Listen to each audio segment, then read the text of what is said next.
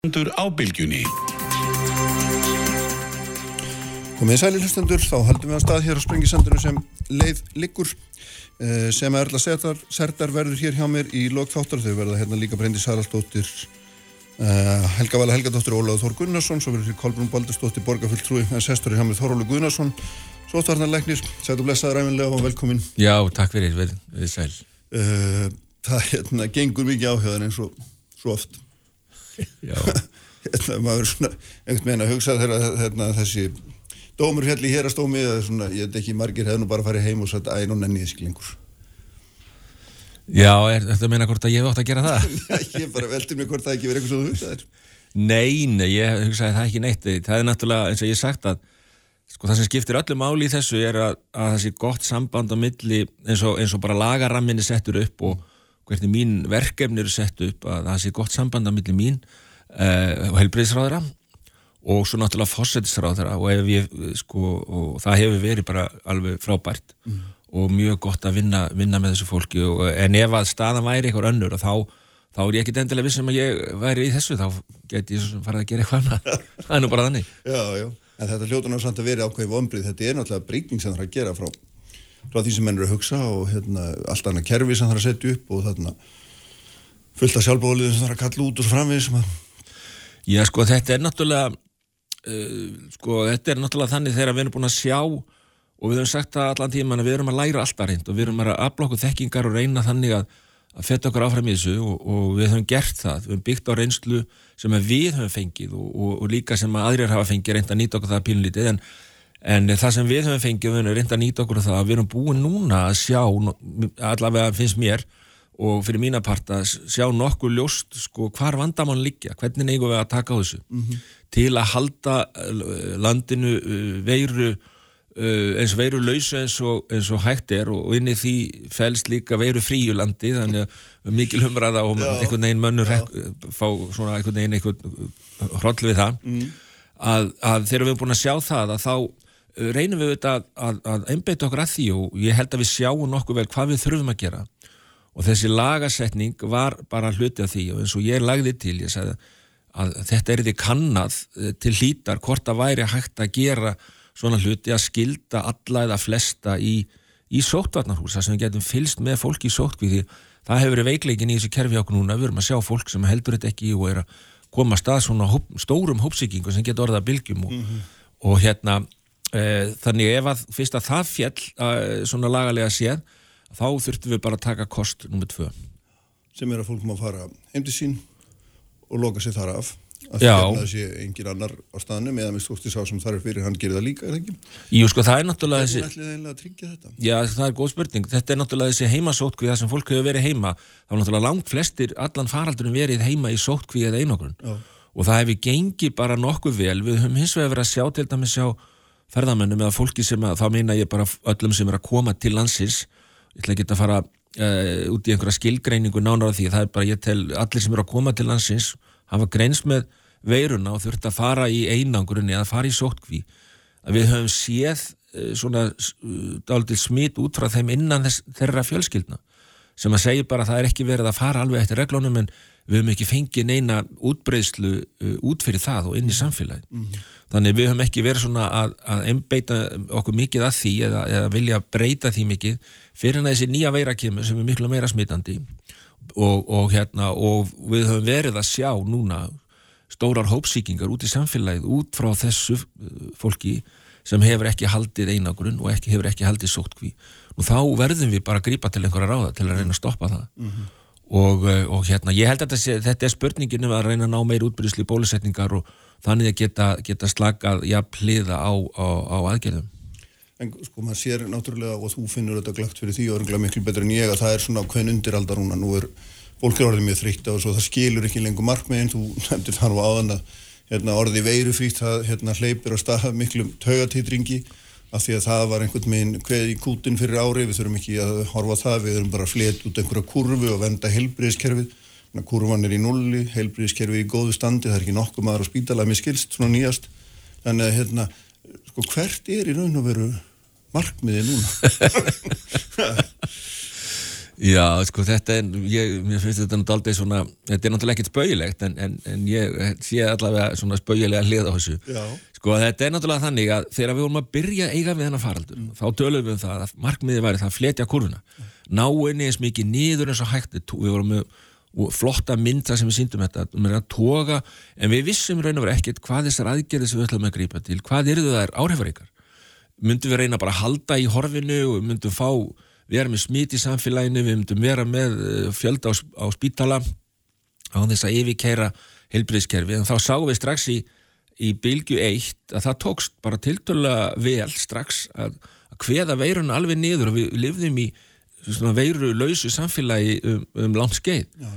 Uh, og þannig að við sáum að þetta var hægt og síðan þegar þessi litla bylgja tvö byrjaði og sem að sumir eru nú að uh, ræðum hvort þetta hafi verið bylgja eða ekki, þetta var allavega svona Þá er þetta konum frá síðasta haust Já, síðasta haust, síðasta svumar þá þegar það byrjaði svona, svona aðeins forleikurinn að bylgju þrjú að þá uh, þá reyndum við aðra uh, nálgun á þetta.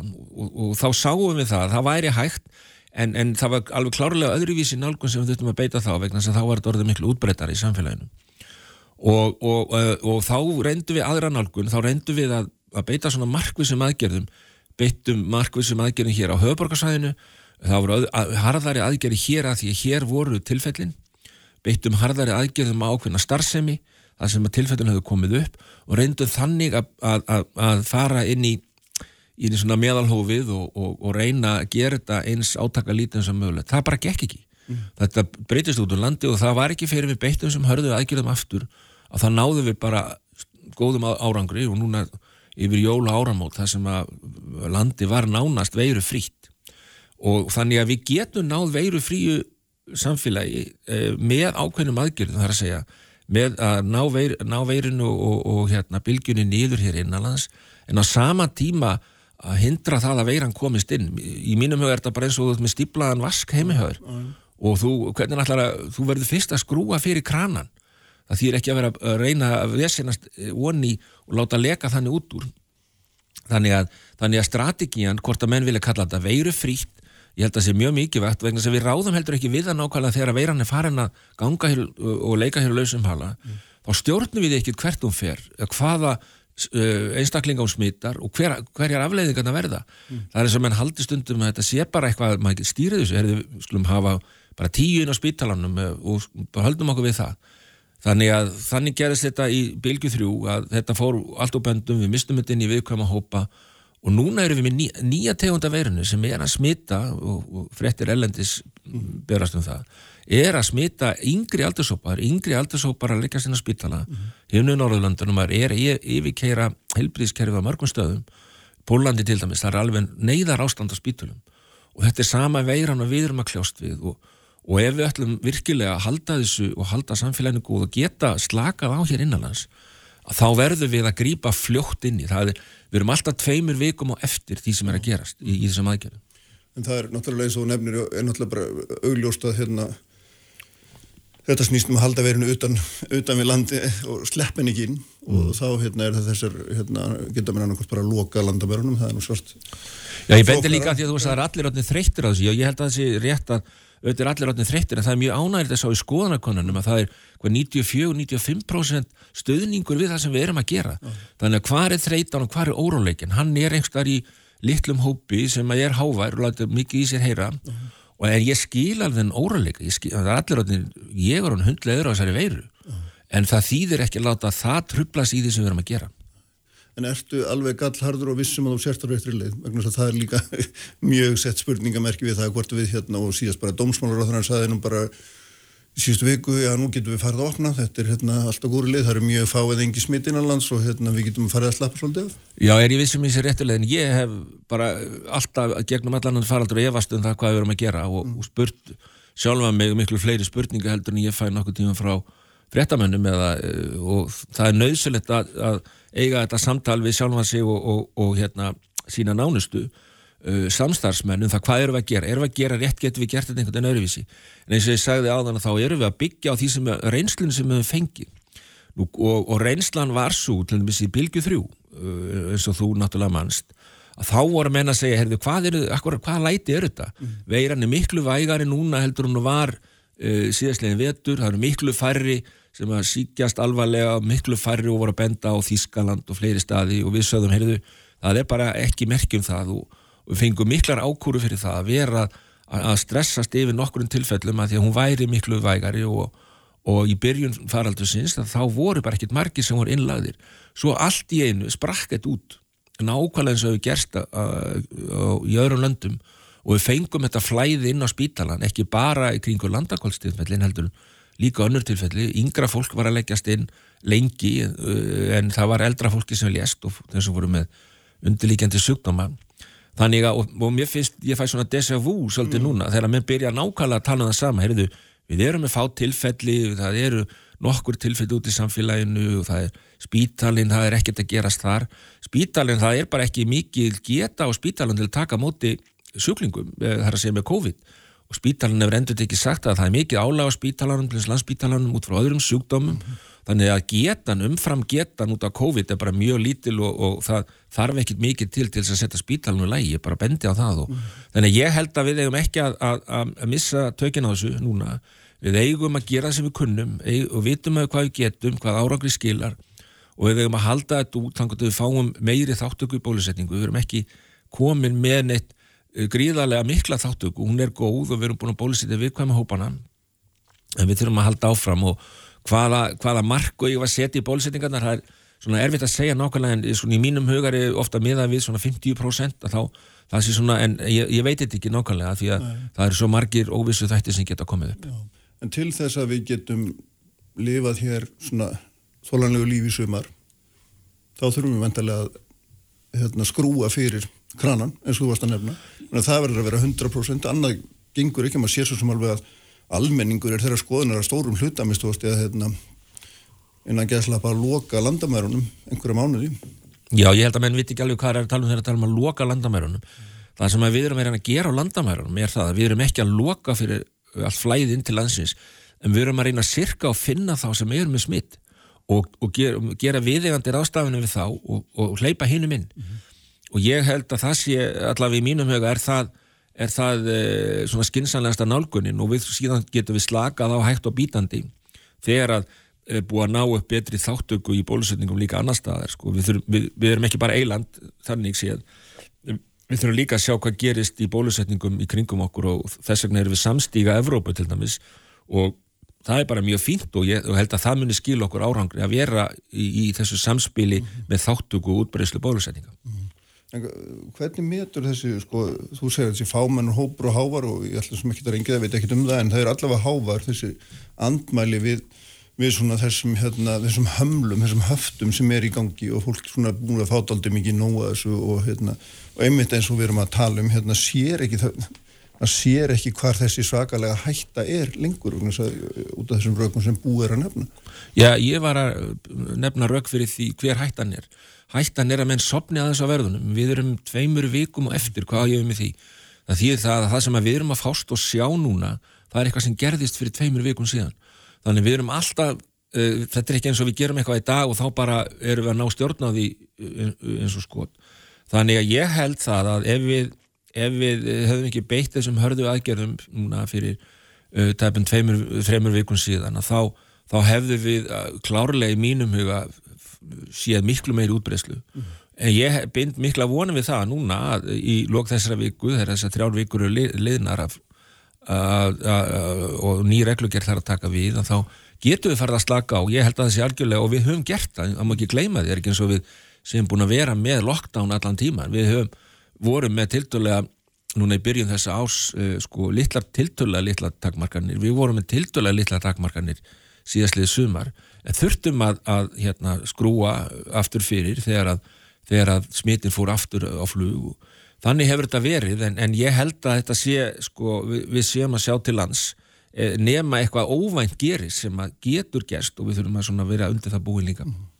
En hvað, sko, nú er ekki bara svona Nú er ekki bara þannig að stjórnmálamennir eru svona farnir í hverju sína hátun einhvern veginn heldur, þeir eru líka, heldur líka verið að opna allir fyrir þá sem eru utan senginsvæðisins, það er að segja allar nema þá sem er innan Európa getur við sagt, þeir geta komið hérna framvísa bólflutningavotturum og undirgangast tvær skimanur og allt þetta, þetta var ekki hægt þangarlega fyrir skemmstum. Og, og hérna ég sé að þú hefur svona verið ekkert mjög kátur með þessar opnarnir ég, er svo sem ekkert verið ókátur en ég bent bara ákveðna á, ákveðið þessu. Ég, þegar ég lagði til að að við myndum taka gild vottorð innan sem utan sengen þá voru það rástafanir í gildi að fólk utan sengen komst ekki til Íslands nema að hefði hinga brínt erindi.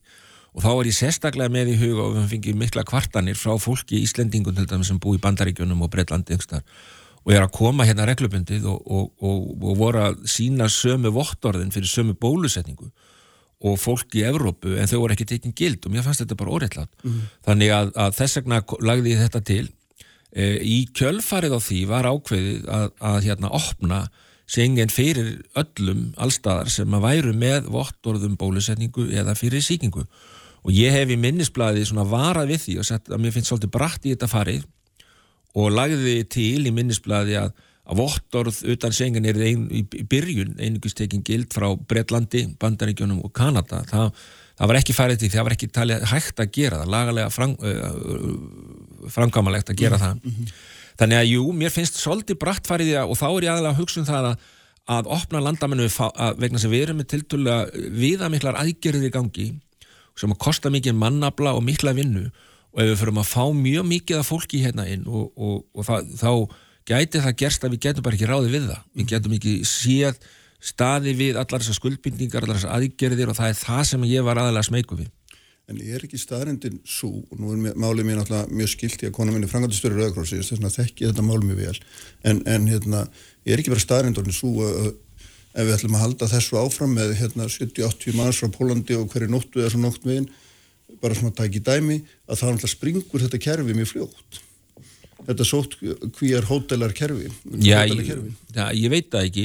Ég veit það ekki nákvæmlega. Og þú veist það ekki og það veit það engin nákvæmlega. Nei, ég er að spá fyrir já, já, það er auðvitað hætta því að það geti gest og, og, og ég, þess vegna hef ég sagt herðu, við erum að fara að stað með þetta kerfi. Þetta er, í mínum huga er þetta lagara kerfi heldur en að var fyrir í reglugjörðin sem var dæmt ógild mm. var, ég held að það hefði verið áhrifaríkar út frá sótvörnum uh, og, og ég ætla ekki það svo sem að uh, ræða uh, aðra þætti þeirra reglugjörðar en en þetta kerfi sem er komið núna það er, það er nú bísna gott held ég, allavega eins og það er að borði en það er réttið að vera, það krefst mikil mannabla, það krefst mikil um, utanumhals, þetta er mjög dýrt að hafa eftirlit með fólki og, og hérna, en við verðum að reyna bara að gera það sem við getum, held ég Já, en Nú en svo, síðan er þetta náttúrulega spurningin ef að kemur í ljósa kerfi bara ræður ekkert við þetta þá hef ég sagt líka við stjórnum við þurfum að vera undir búin, hvernig ætlum við þá að takmarka sko, og við þurfum að ekki að ráða við þetta? Uh, getum við þá takmarkað bara fjölda fólks sem kemur hinga til lands, getum við sett eitthvað mörg á það? Og ég er eins og sem ekki búin að fá svöru því. En ég meina við verðum bara að skoða þetta út frá öllum hliðum. Og þetta finnst þér eitthvað sem kemur til greina? Ég mér finnst það út frá sóttvörnum að þá meðan við erum að ná sko, við erum að horfa fram nokkra mánuði fram á dímanangur við erum búin í sumara að bólusitu þorra þjóðarinn og mér sínist það sungsalega vonandi geta staðist mm. uh, þá verðum við geta haldið þessa, þessa síðustu vikur og mánuði út Uh, og, og, það, og ég held að það sé alveg ljóst hvað við þurfum að gera til að gera, gera það mm -hmm.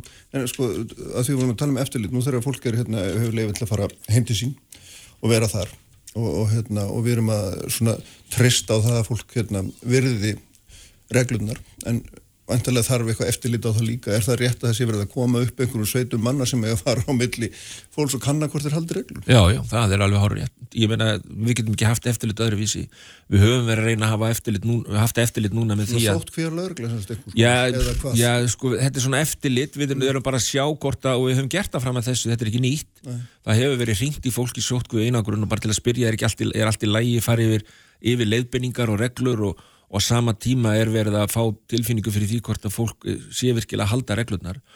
Og, og það hefur þurft að leita fólki og ná í fólk sem hefur ekki haldið einangrun og ekki haldið stótkví þannig hefur við fengið litlar hópsíkingar og, og ef við ætlum að gera þetta almenlega núna þá þurfum við að ebla þetta. Og, og hvernig nefnum við að geta haft öðruvísi eftirlit, það er bara mjög snúið. Við höfum líka verið að skoða ímsa tæknilausnir, getum við skoða þetta út frá símum fólks og svona en þá erum við komin aldrei langt inn í svona person eftirlit og... En finnst þér ekki verið að komin þangað aldrei nú, nú þegar? Jú, jú. Eftir ekki á uggandi múið sér komin yfir einhvern yfir eitthvað múr sko. Já sko, ég meina við höfum allan tíman verið í þessu hlutverki mm -hmm. við höfum verið að takmarka frelsi fólks einstaklinga, við höfum verið að takmarka hérna atvinnurekstur fólks og lagt alls konar byrðar á fólks, þetta er mjög íþingjandi fyrir alla, allt samfélagið og við erum búin að gera það allan tíma við höfum verið að elda fólk, við höfum verið að skipa fólki fyrir sig hva, hvað með að vera margir hér og þar mm. Þannig að þetta er svo sem ekki nýtt og nú erum við að reyna bara að hafa betra eftirlit vegna sem við vitum, vitum hvar brestinir eru. Akk hverju þurfum við að gera þetta? Jú, að vegna að við erum að sjá fólk ekki halda þessar reglur og við erum að fá hópsíkingar sem geta haft alvarlegar afleðingar fyrir aðra. Að, og ég held að þess vegna sé þetta uh, full réttlætanlegt, auðvitað verður þetta að vera innan marka regluna og laga og það er almannavarnadeildarinn að, sko, að skoða það. Byrju, hvað, hvað að menn sé ekki að fara yfir einhver, einhver mörg sem að, sem að hérna, menn með ekki fara yfir. Mm -hmm. En til þess að gera þetta þá þarf þú náttúrulega að njóta tröst sem þú hefur enda gert alltaf en þú þarf líka að njóta fullkomist tröst í pólitíkinni. Og svona mig grunar eða mig sínist á öllu að það sé aðeins að fjara undan því þó þú lýsir að þú eigi gott samstarfi helbriðis og hérna fórsitsræðara að þá finnst manni svona fleira og fleiri rattir vera orðan uggandi um það mitt að það sé ríkistjónin og, og þú og þið séu farin að ganga allt og langt og þetta hóteldæmi hafi verið bara hérna par excellence dæmi um það. Já sko, ég get ekki séð annað en að ríkistjórnin standi samhenda bak við þetta, bara í, í fjölmjölnum ég, get ekki séð annað og, og hérna auðvitað er það pólitíkin sem ræður á endanum hvað hún að, hvernig vil hún útfæra þetta. Mm. Mitt hlutverk er að komi til úr, benda á vandan, benda á veikleikana, benda á hvað við þurfum að gera og benda á leiðir eh, ekki endilega sko, í, nákvæmlu útfæslu heldur er það og síðan er það stjórnvalda eh, að ákveða getur við gert þetta, megum við mhm. gera þetta rúmast þetta inn í lagana eða þurfum við að gera eitthvað annað og, og, og ég geti svo sem ekki gert mikið annað en það en ég bendi á það að, að ofinbjörra sóttvarnar ástæðum við svona drepsótt eins og við erum búin að vera e, fást við það er ekki hægt að ná tökum á því öðruvísi heldur en að takmarka frelsi einstaklinga og frelsi samfélagsins því miður, ég vildi að vera hægt að gera þetta einhvern veginn öðruvísi. Sko það er eitt sem er líka svona fólki eru týrandum og margir hérna ræðu mér er þetta eitthvað svona misræmi? Og þá benda mér ná ég hérna segja ég má ekki fara á skýði en það er í lagi, ég lappi í þrjúðhúst manna hópu upp á einhverju gósi og standi þar með hérna Andoni hálsmála næsta manni Og, og hérna. Já, já, þetta, þetta er líka búin að vera svona allan tíman að mennur að benda og bera sér saman já. við á milli, akkur má ég þetta og þetta má ekki mm -hmm. það er auðvitað bara horrið eftir ofta tíðum að, að, að það eru svona, það er, ekki, það er ekki hægt að koma með svona til og það væri mjög erfitt í útfæslu var þetta í gós og skíðasvæði þá er það stóltið öðru vísi. Ég hef hvart fólk til að fara ekki á skíðasvæði, upp á, á gósinu mm. og ég er bara að benda á það það er ekki mitt að banna, ég get ekki banna fólki að fara þánga, en ég hef hvart og bent á ákveðna veikleika, ég bent á þetta fræga reypi og bent á það og beði fólk að eða er að fara þarna að, að forðast hópamyndanir. Skíðasvæðin geta stjórnað þessu, það er bara og lauruglan og almannavartin segja við getum ekki, styrt, við getum ekki stjórnað þessu. Ef við bönnum fólki að fara þess að stíga þá fer bara fólk einhverstað annar stað frá og lendir í meiri vandraðum þannig að ég held að þetta sé ekki að bera þetta saman. Nei en maður hefði mitt haldið að það væri þægilega að eiga við sóttvarnir á skíðasvæðum að því þar getur það nákvæmlega kontrollera hvað eru margir á hverjum stað á hverjum tíma. Já, það eru meiri hópamyndar en menn þurfa að fara í sömu hérna, skíðalifturnar og, og, hérna, og þú getur stýrt í meira þar heldur en getur á, á gósvæðunum en, mm. en það er með, sko, en ég bara benda á það hvað ég hef hvart fólk til að gera og, og ég hef því miður ekki sjálfur geta fara á gósstaðina og akkurat út af mínu megin leifinningum og kvartningu til fólks, mm. þannig að ég hef ekki farið. Voru að drífa þig í það. Hérna, Ég verði að gera það þegar ég, þegar ég allavega, þegar ég dela það sé sjálfur að sé lægi fyrir aðra. Er það rétt og það er ekki fengið bólusetningu? Maður í framlýnu? Nei, ég hef ekki fengið bólusetningu, við erum bara með ákvæmna reglur hverjir, við erum að tala um áhættuhópa uh, og, og, og halda okkur við það. Og hérna við erum með nokkuð skýra skilgreiningu á því og, og ég fell ekki undir það. Og þá bara kemur að mér uh, hérna í aldri aldursöðunni og og hérna það fer að kannski stýttast í það eins og hjá öðrum vona ég. En ég held að alla sundag sem þú að veri hérna Þorvaldur þarna þá hefur verið með undirbúningi minnisblad sem það er að skýra, skila síti eða segja morgunin eftir er, og það er alltaf eitt í undirbúningi núna. Já, já, já. Þér er alveg greina frá hér sko. Já, já, já jú, ég er alltaf með minnisblad þetta er nú orðið svona bara það var hægt að skrifa skáldsögu minnisbladin miklu en nei, nei, auðvitað, þetta er bara það sem ég þarf að bera að gera, ég veit alltaf um hundleiðir á ég er búin að fá fullt af postum frá fólki það sem að bara segist búin, að fá upp í koka á þessum minnisblöðum og bara vinsanlega spila mig um að hætta þessu Já. en ég, auðvitað get ég ekkert gert það ég, mér ber skilda til að fara eftir lögunum og, og koma með til, hérna, eh, tillögur til ráðherra og, og það gerist í minnisblöðum þannig að, þannig að jú, jú, ég er með eitt í smíði núna já, já. og nú er náttúrulega staðinn svo að 15. er hérna rennir út gildistími þessari reglugjala sem að síðast var sett. Já. og þá vantanlega kom eitthvað viðbröðu henni. Getum við ekki verið hérna, getum við ekki aðeins hort bjartari fram í það sem eftirlifur aprilmánuði eða hvað?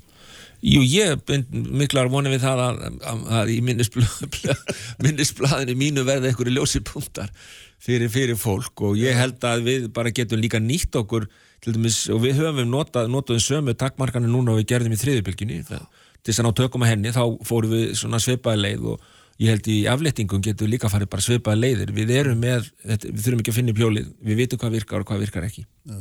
Eitt af því við erum hérna bara inn í löðalunum þarna, sk skólanir hérna komum smitt í þeim vitið þið eitthvað hvaðan það kom? Uh, nei, við vitum sko hvaðan, hvaða Íslendingur það var sem kom með þetta fyrst mm. uh, og ræðgreiningin segir okkur það við vitum ekki hvernig þetta komst inn gegnum landamærin, við hefum ekki greint það afbríð á landamærunum og það er náttúrulega fullt af götum þar sem þetta getur gerst og, og, en þetta er reynur, reynur eina uh, stóra hópsmiti sem við höfum ekki geta rakið til landamærina hin, allar hinnar hópsíkingarnar og þær er að vera nokkrar. Getur við rakið til landamærina, getur við rakið til einstaklingar sem að, sem að hérna heldu ekki sótt við einangrun þannig að en ekki skólasmyndi, nei, við vitum ekki hvernig það komst inn í landi er, er Skiljið rétt að þetta sé þá eitthvað sérstakt afbríðið? Nei, nei, af, afbríðið er ekki menna, ég, það er gott og myndist að það að að ég hérti frétta með þetta sé eitthvað svona sérstakt afbríði, afbríðið er ekkert öðruvísin önnur afbríðið nema það við, við getum ekki rakið það til landamærarna það verður einhvern veginn komist fram hjá þeim, eh, þeim eh, hundrunum og skimunum sem við erum með í gangi.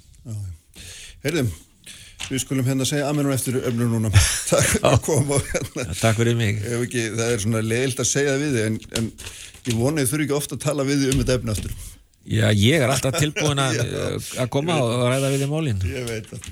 Þannig að við skulum vona þessi linni fyrir en síðar. Já. Mm, bestu þakki fyrir að koma. Kolbrún Baldurstóttir hérna hjá mér.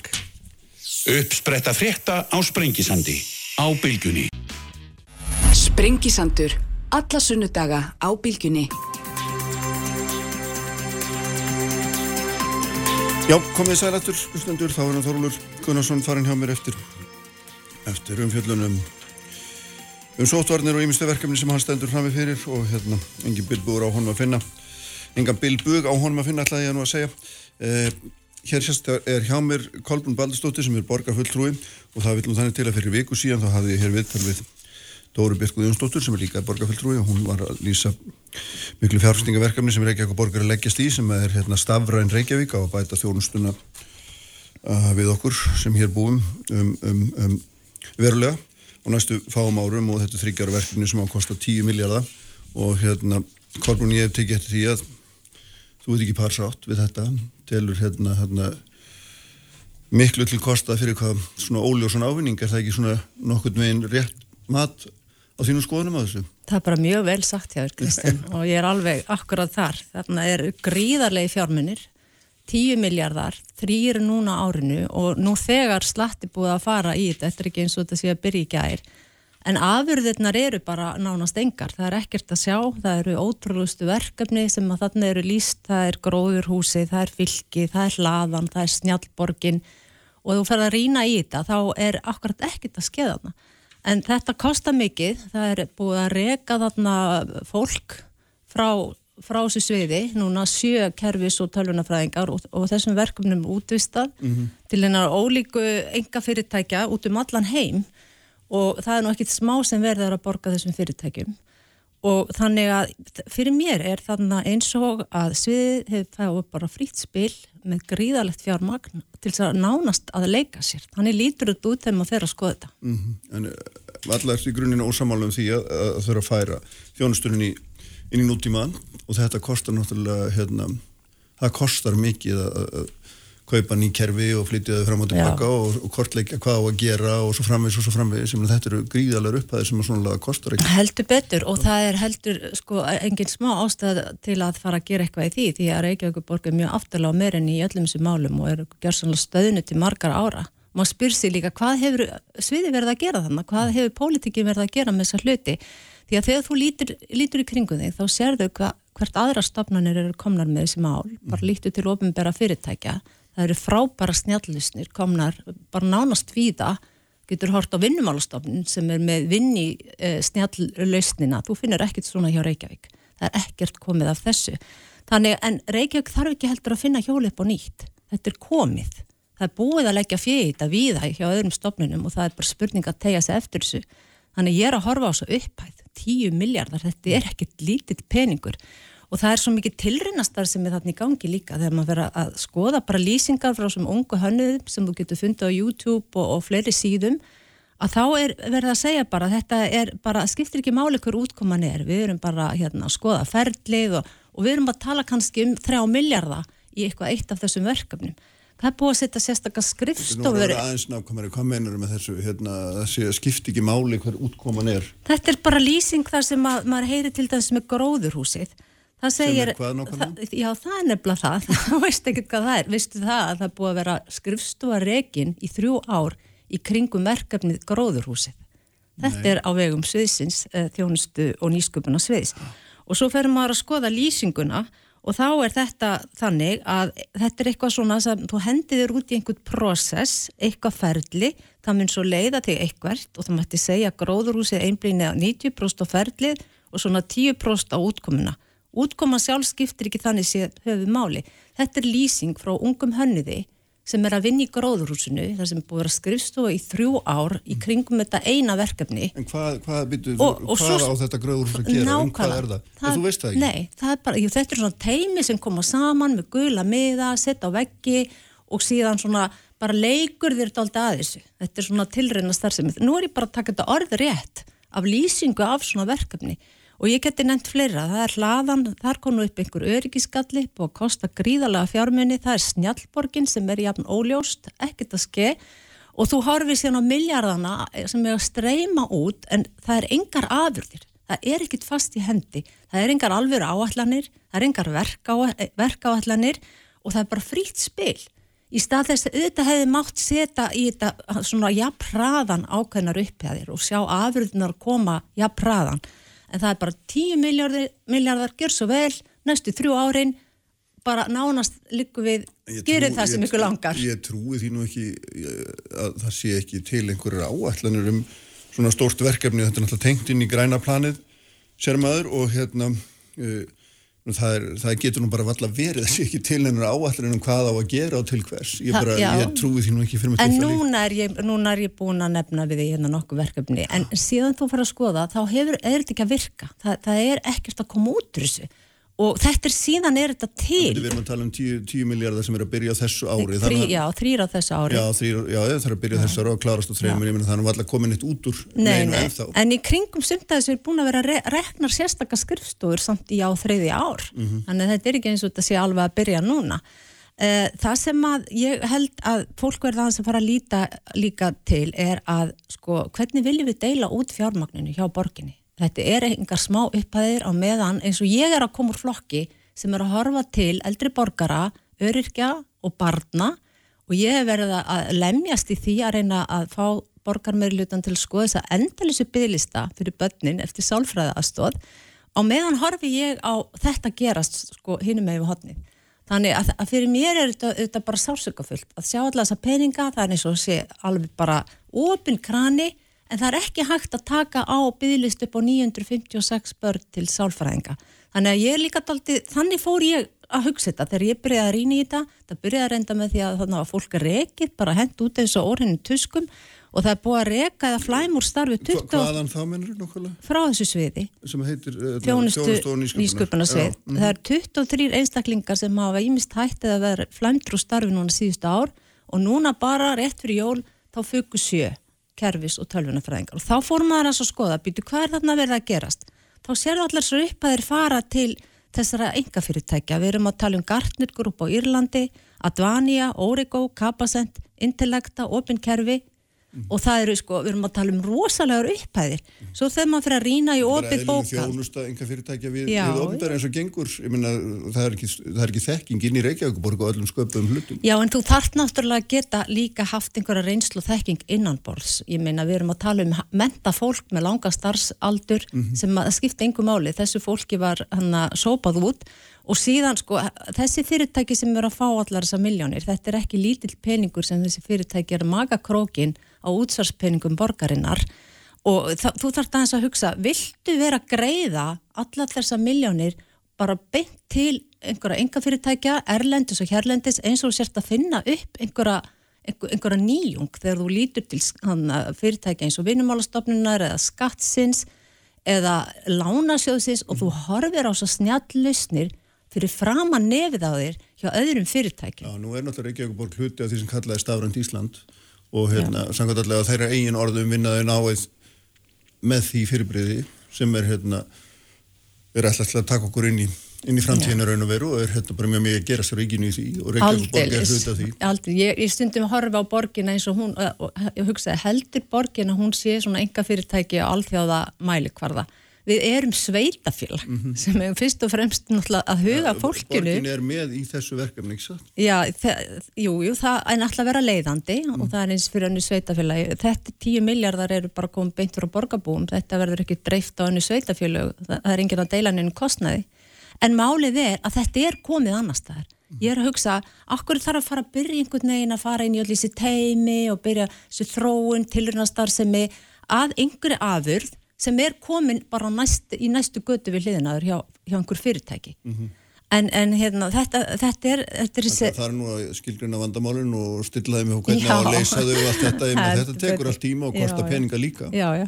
Ekki satt? Ég er að gaggrina upphæðina, ég er að gaggrina að það er ekkert komið útrúsu, það er engar Mm. afurðir að sjá og ég er líka að gaggrina að ég vil fá þó að væri ekki nema 2-3 miljardar af þessum pening til þess að taka niður bygglista barna hjá skóla sem býð eftir að komast Mm. til skólasálfræðinga.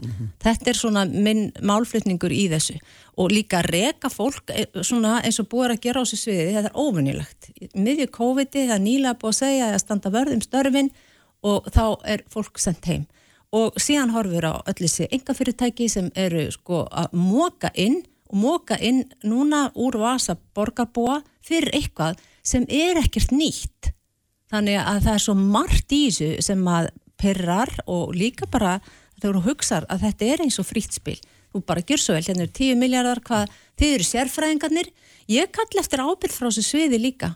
Það stendur í reglum borgarinnar að, að, að sviðstjóri eins og pólitíkin hún ber ábyrð á því að hugað skilvirkni og hagraðingu þegar hortið til framkvæmt fjárhásáallunar En nú hlýtur þú og, og því sem hafið hérna eigið að, sinna aðalluturki hljótið að hafa spurt spurninga. Þegar þetta er búið í undirbúningi eins og þú segir að búið reyka skrifstofur í þrjú ár og því hljótið að hafa spurt og fengið svör. Já, já, þetta að byrjaði að kynna þetta í fyrra, þetta reyndar er svo lúmst gert, þetta fer með græna planinu sem er risastór pakki og þar inni er samþygt í borgaráði, ég reyndar flokku fólk sem er ekki matkvæðarétt í borgarráði en það er samþygt að vísust til borgarstjórnar og það er svona laumast þetta daldi með. Og auðvitað vill maður ekki heldur vera borgarhluti, minnihluti sem, minnihluti sem er á móti og um einhver leiðindi með, með einhverja nýjungar. Við vitum að það þarf að laga til stafræna umbreytingu hjá Reykjavíkuborg, við vitum það. Og, en þetta laumast þarna með. Allir þessi miljardar og það er ekkert verið að fara kannski nánar og í saumana akkur þar nema maður fyrir að spyrja sig, spyrja sig býtu, hvernig er skilgrinning á þessu verkefnum? Og það er kannski ekki allir búin að lúst lesa hvað stendur á bakvið þessi verkefni sem er lítið sem ekki neitt. Þannig að reyndar uh, ef ég maður rétt að, að þá sátu flestir hjá í minni hlutunum og einhver voru á móti. Þannig að það er í rauninni bara meiri hlutin sem er að samþykja græna planið og undir græna planinu var þessi þáttur. Þannig að þetta er aldrei tekið einhvern veginn bara svona sérstakla og hvað er nú grænt við þetta? Jú, að spara pappir og auðvitað mun stafran umbreyting leiða til góðra hluta, við erum að sjá það bara allstafar og við viljum einfalda ferlin, við viljum auðvilda fólki að sækjum uh, hvort það er fjárhagsaðstóða hvað eina. En hér erum við bara komin með hluti sem er úr böndum. Þetta er engin heilbrið skinnsemi lengur í þessu. Það er engin gaggrín hugsun heldur. Það, þannig eru sérfræðingar á sviðinu sem komi hugmyndir og pólitíkin bara, já, þetta er frábært, endilega setjum við þetta 10 miljarda. Já, já, nú er náttúrulega, hérna, bara fyrir skammu síðan þá spurði sérstæðalokkurinn bara, hérna, mjög nákvæmlega út í þetta og hérna, og fekk svör í einhvern tíu liðum frá einmitt sviðinu. Er það þá svör sem að þér finnst einskis virðið það? Ég er búin að fá svör í mörgum, mörgum liðum. Ég eiginlega byrjaði að í þessu máli, hinn er flokkarnir millutu koma eftir mér og við erum búin að fá svör en þegar þú fer síðan að ringa í svörin þá er í raunin ekki verið að svara neinu. Þetta er sett líka í svo háflegan búning. Þetta er svona glæru sjó sem við fáum á og til. Þetta er bara svona flugaldasýningar og það hefur tekist svo að slá reiki í augum fólks með þetta. Þetta eigi að vera svo æðislegt, við verðum að heimsmæli hverða, að Reykjavíkuborg er leiðandi og síðan fer maður að horfa og hvað er þetta allt saman? Og hvernig á þetta líti út? Og síðan líka bara eins og með hlöðina kom ykkur öryggiskalli, það, hún átt að vera komin, það er svona kerfi sem mun hjálpa okkur, en það er ekkert að skema hana, það er ennþá bara einhver skoðin eða snjallborgin, Þetta, það, er það er ekkit í gangi þarna svo lítur þau til hérna En er þetta ekki hérna allt verkefni sem er að klárast á næstu árum? Ekki, verður ekki verið að sangjöld með það að þetta, ekki, þetta á ekki að vera tilbúið núna? Já, en, en þessi verkefni eru bara til þau eru komin í virkni í öðrum stofnunum Mhm. og ég myndi bara vilja þessna að það eru tekið Var það páli nú snjallborgin til í einhvernum stofnunum? Já, það er mjög, uh, það er svona mjög sambarilegi hlutir til því að bara snjallborgin, hún á að koma þróun framsækina innviða og ferla, svo ég fóði bara hans að lesa, í þverfaglir samsköpun með innlendum og erlendum hagsmunaðilum, frumkvöla, ment og vísinda samfélaginu. Þetta er náttúrulega svo háflög orða að þetta er ekki á mannamáli. Þannig að fólk sko sem að, ég er náttúrulega bara sálfræðingur, þannig að þegar ég fór að rýna í þetta, þú veist, ég er ekki sérfræðingur þessu sviði, en þannig er þetta sett svona í einhvern orðabúning sem er ekki sko fyrir venjulegt fólk að skilja og þannig að það er ekki margi sem nenna heldur að fara að kórast yfir þessu, af því þetta er svona ekki svona- alveg kannski kunnulegt. En í svona stóru verkefni þá hlýtur náttúrulega að vera ekki bara til yfir borð sem þú ert að lýsa, heldur líka detaljeruð verkefna áallun og afriðna sem hefur komið út úr hverju verkefni og svona hafið ekki fengið að sjá neitt slíkt. Það er, það er sumt, margt á að vera komið sko, en það er ekkert komið, en og það, sérstaklega Hafið þið skrifstofur. Já, já, já, og ég er búin að fá alls konar svör, stundum er bara sagt, við erum búin að svara þér, það líka við að sagt ég nenni ekki að svara þér. Þannig að nei, það er, málið er að þetta er bara, þetta er, þetta er svartur blettur á akkurat þessu máli núna að þetta er líka svo háar upphæðir. Það er, það er eitt og síðan að þetta er, það er ekki verið að finna hjóli hérna upp á nýtt. Ég, mér finnst þetta að vera komið út í einhverjum svona, svona pínu maníu kastatna ef ég fæ bara aðeins að nota sálfræðina. Að þetta, þarna sé fólk búið að missa fótana það, er einhver sem hefur fengið þarna frýtt spil til að leika sér og, og það hefur verið að ráða og alls konar fyrirtæki, alls konar unga hönniði sem finnst þetta geggja gaman og ég skil það mjög vel. En við erum að tala um peninga borgarbúa hérna og við erum að tala um vaksandi fátækt, við erum að tala um atvinnuleysi sem aldrei fyrr og við erum að tala um krakka sem býða á löngum, mánadar og jáfnvel ára löngum bygglistum eftir að komast til talmeinafræðings, sálfræðinga og nú er komið tími til að fara stokk nýtt. Sérð Engamann. þú, sérð þú sem sagt, finnst þér vera fullkomlega óljóst til hvers þetta verkefni í heilsinni á að leiða? Sérðu ekki neitt í því að eh, sérðu ekki ljós í því að þjónustan verið bætt með þessu hætti? Finnst þér það bara að vera Nei. af og frá? Það verður að gerast. Reykjavíkuborg þér er náttúrulega með allt niður í sig. eh, Verkefni ekki vera til þess Sko við erum að tala um mörg verkefni, við erum ekki að tala um eitthvað eitt verkefni Nei, nei. og við, ég vil hafa bara borgin eins og komið er hjá öðrum fyrirtækjum. Þú Veist, það eru auðvitað kom, komin vísir að mínum síðum og annars líkt hjá borginni en það er bara hálfdrættingur á við mínar síður hjá einhverju ofinbjörn fyrirtæki eins og skattunum og bara ég get nefnt fullt. Ég vil bara hafa þetta orði gott eins og er hjá mörgum öðrum fyrirtækjum og þetta er til við þurfum að kaupa þessa pakka yfir til borgarinnar, við þurfum að gera þetta, komið sér í gagni en ekki leika okkur í endalausum teimum með hinum og þessum og, og reka sk- sérstakka skrifstóri kringum hvert einasta verkefni upp á mi- miljónir þannig að ég vil bara að við gerum þetta, við gerum þetta með skilvirkum hætti, við notum heilbreðaskinnsemi og við horfum til hagræðingar. Ég vil þetta sé gert og ég vil þetta sé gert núna og rætt og vel en hér er við ekki að tala um neitt slíkt. Við erum bara að tala um hérna eitt stórt bull þegar þú ferð að skoða þetta. Og ég er ekki fann að sjá neitt að neitt sé að koma út úr þessu. Þannig að já, við þurfum heldur betur að laga til á vefjum borgarinnar og, og koma snjallustnum þar í gang. en eh, fyrir 10 miljardar veist, við erum að tala um hérna eitt sjönda borgarlínu sem að hún átti uppála að kosta þetta er ekki neitt smápenningur Nei, þetta er mikil fjárfesting og, hérna, og það er enginn að draga döl á það. Náttúrulega þetta er hluti af fjárfestingar áallum borgarnar út úr COVID eftir því sem er mér skilt, þetta græna plan og þetta er hluti af því. Þannig að það er ekki upphæðin í sjálfsins sem er ekki, neð, þetta er bara ekki fjárfesting í brúm eða, eða göttum eða einhverju þetta er bara í stafræn Já, ég sko? á, á, á að einfalda þjónustu og hérna, bæta líf okkar, ekki satt?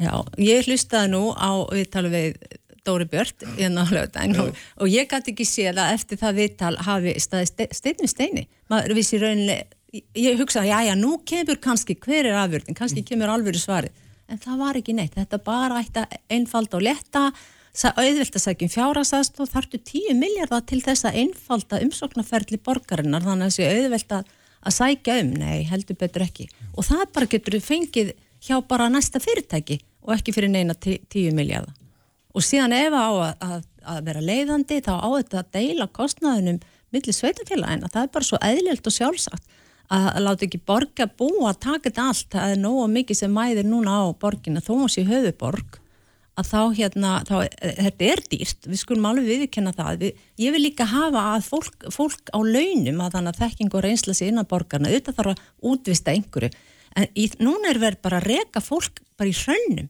og útvista bara óeðilega mikið sem er mjög dýrt við vitum það all, útvistun er eða langt dýrasta dæmi í þessu öllu þannig að það þarf að vera það er þessi hafkvæmni þetta, e, þessi hérna hagaræðing og skilvirkni og skinnsemi þegar verið er að sísla með fjö borgarbúa, ég gerir kröfum það og svo myndi ég velja að fá hluta af þessu fyrir börnin, eldri borgara mm. og öryrkja.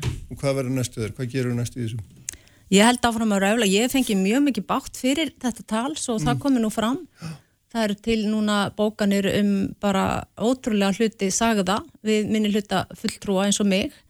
Þar sem að ég, ég nána sagt bara, þú hefur nú ekkert vita á þessu. Ég ætla nú ekki að nota náttúrulega orð sem að fara fram á lokum fundum, þau eru mikið verri.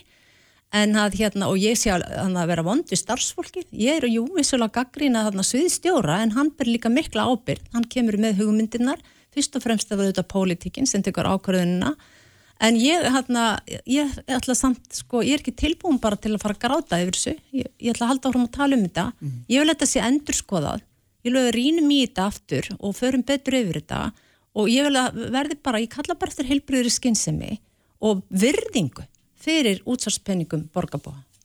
Jómandi, Kolbrún, komast ekki lengri í bíli. Takk einlega fyrir að koma og þau verða hérna hjá mér Helga Vala Helgadóttir, Ólaður Þór Gunnarsson og Bryndís Haraldsdóttir, alþingisfólk, allt saman. Sprengisandur, alla sunnudaga á bylgjunni. Með þér alla daga. Bylgja. Sprengisandur á bylgjunni.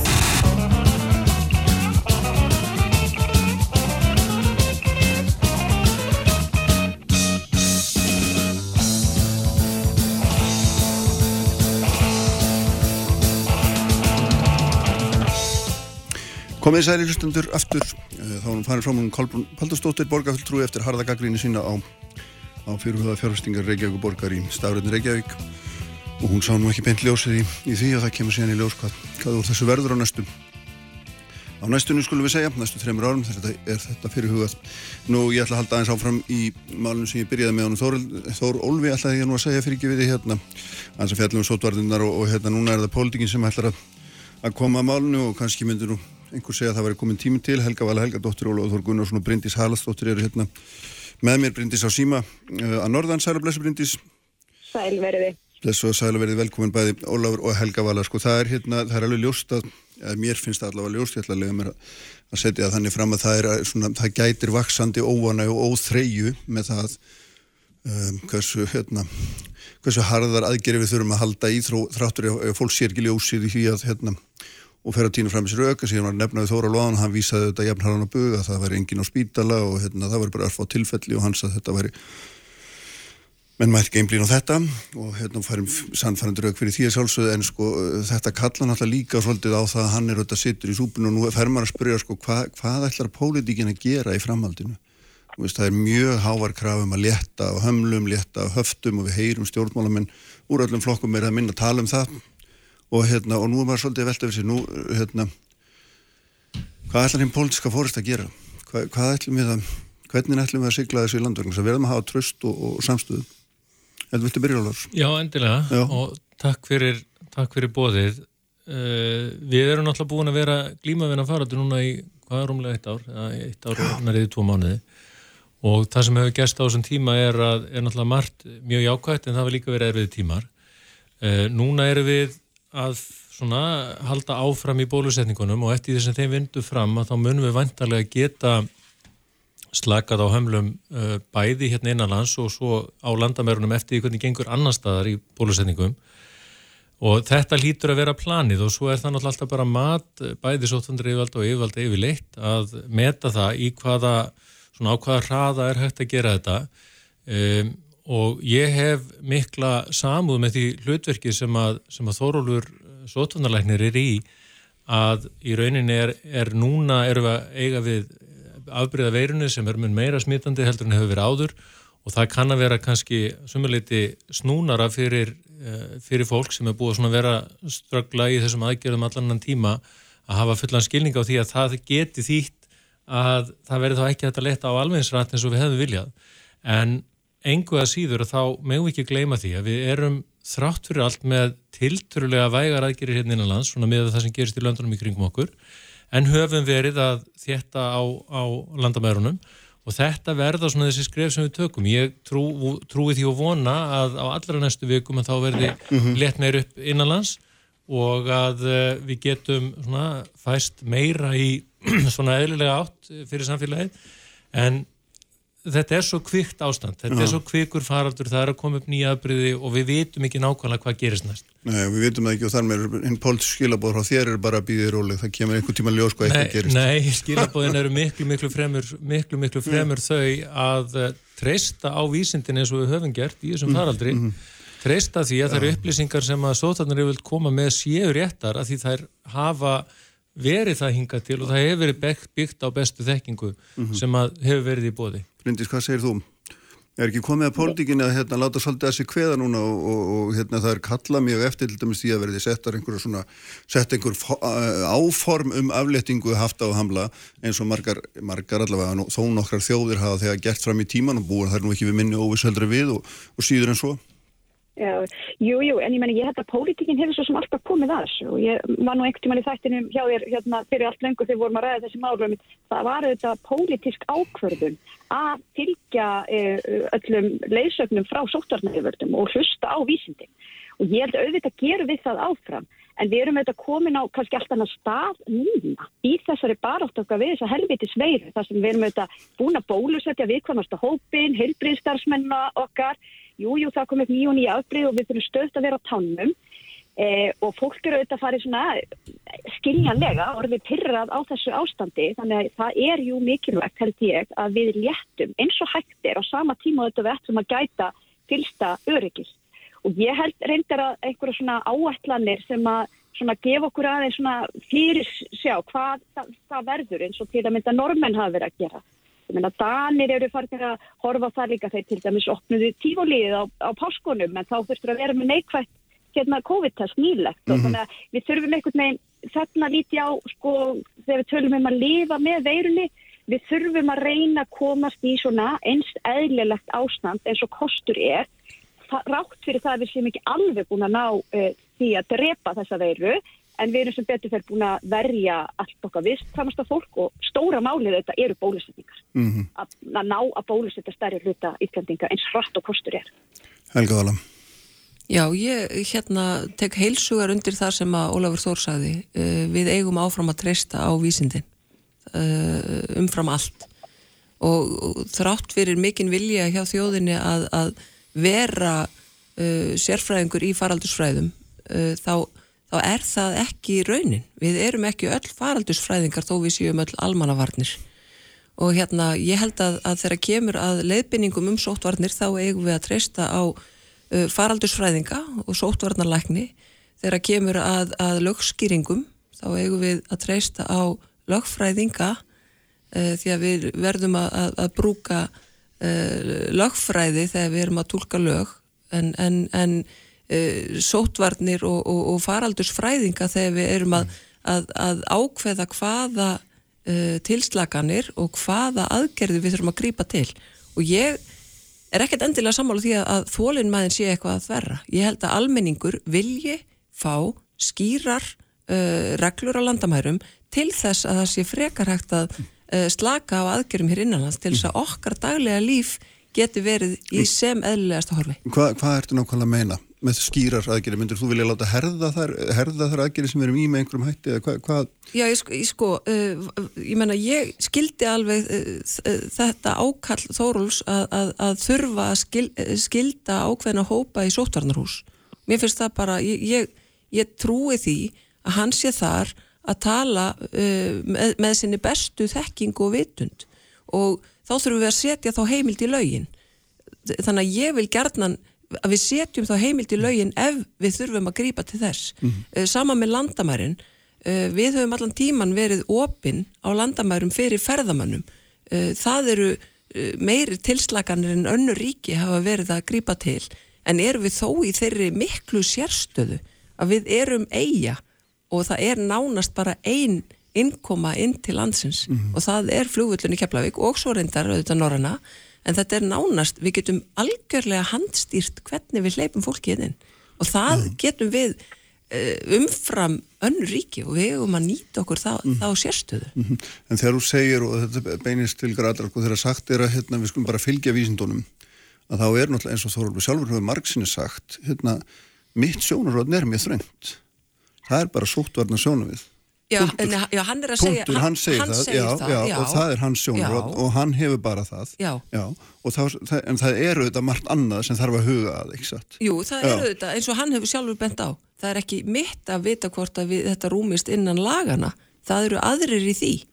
Það, við erum hérna með full ráðuneyti af fólki sem að getur metið það. Ég er sóttvarnarfræðingu eða sáttvarnarlæknir ég tala bara út frá læknisfræði og faraldursfræði og það er bara nákvæmlega það já, sem það er. Já, já, akkurat, en þegar þú fylgir þessu og einhver öðru, já. þá lendur á ákveðnum stað Já, við höfum auðvitað kallað þá... eftir því að ríkistjónin leggir fram uh, þetta mat mat á áhrifum á, á efnahag og, og að, að heilbríðsat þurfa að leggja fram mat á, á, á þessum aðgerðum á líðhelsu og þá eru við að tala um þetta líka geðhelsu mm, þjóðarinnar, mm, mm, unga fólksins sem mm. er búið að missa af öllum skólabölunum og svo framvegis og framvegis hvernig slæðir þetta þegar við að fylgja vísindunum þannig að hérna, við látum eina, eina vísindagrein bara stýra okkur og látum, hérna, látum síðan bara hitt líka með hluta, efnahægin, geðhelsun og svo framvegis, hvernig finnst þér að við erum að vinna úr því? Nei, menn þannig er einmitt þetta líkilatrið sem þú ert að benda á. Það var mjög eðlilegt í upphæðu farandusins þegar við vissum lítið sem ekkert um þessa veiru að við hlustum fyrst og fremst á sóttvættalæknir og, og voru fyrst og fremst að horfa á þann tátti. Núna þegar við erum búin að vera klíma við þetta í ár þá verðum við að horfa það að þetta hefur haldt áhrif á samfélagið. Efnarsáhrifin eru eitt en einmitt líðhelsa eh, fólks. Veist, þannig að það eru þetta okkar hlutverk sem í pólitíkin eru að taka við upplýsingum frá vísindamönnunum okkar og setja þetta allt saman og hugsa byrju hvað er það sem er besta fyrir íslensku þjóð? Og það má ekki miskili orðmin á það með þeim hætti að við erum að hætta að hlusta okkar frábæra sótarnarnir, alls ekki. En við þurfum alltaf að leg leggja mat á hlutina út frá víðu sjónaröðn og það eru raunin það sem við þingmenn erum að gera nánast í á hverjum degi í okkar vinnu að við erum að heyra frá sérfræðingum og hagsmjölarum og hagaðilum á mismöndi sviði og við þurfum svo að taka ákvörnum um það hvað er best fyrir heildina.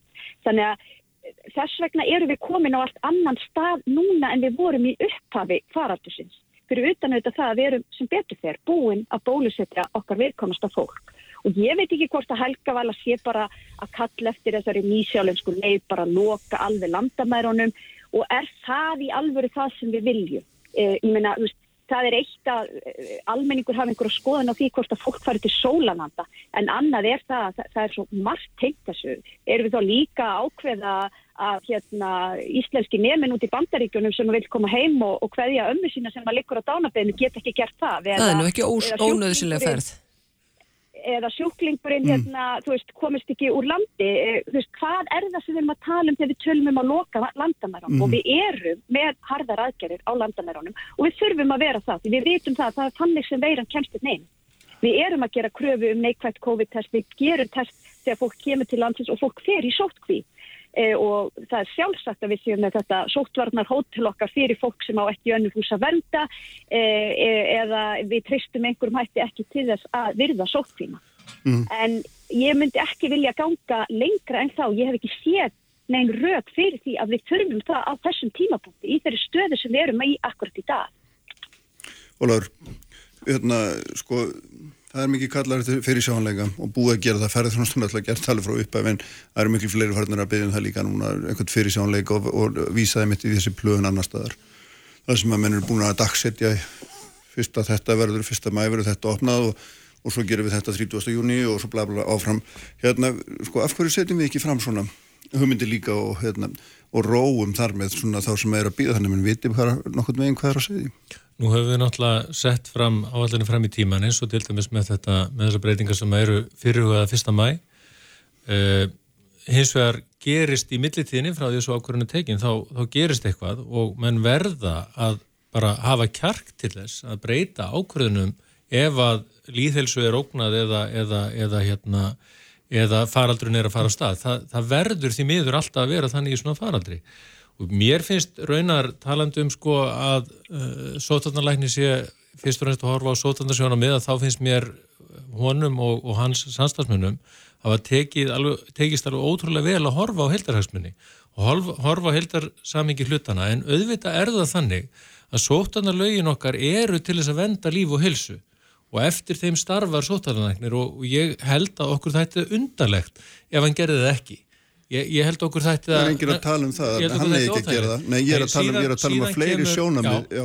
Síðan, síðan koma, kemur, uh, kemur pólitíkin að þessu og uh, það er talað um að pólitíkin hafi ekki verið nægilega virki í þessu og svo framvegis. Ég er, ég er ósamála því, við höfum verið bara á undangengnu ári sko með tugi lagafrumvarpa sem hafa farið í gegnum þingið, þingið langflest í samstöðu í málum tengdum COVID, í efnaðsækjurum tengdum COVID, í sótvarnarlögum tengdum COVID og svo framvegs og framvegs. Mm -hmm. þannig, að, þannig að það að segja að stjórnald hafi ekki komið nægilega mikið að þessu, mér finnst það að vera rámt mat en mér finnst það hins vegar hafa verið skinsamlegt af, af uh, heilbyrðisauðveldum að segja það bara algjörlega sko algjörlega skýrt allan tíman að líf og helsa borgarna er nummer eitt. Það er aðalatrið og síðan höfum við þá tekið eins og efnaðsakgerði sem við höfum verið að gera til, til að mynda eins og hlutabóta leiðina eins mhm. og, eins og hefjum störfátækið og svo framvís og framvís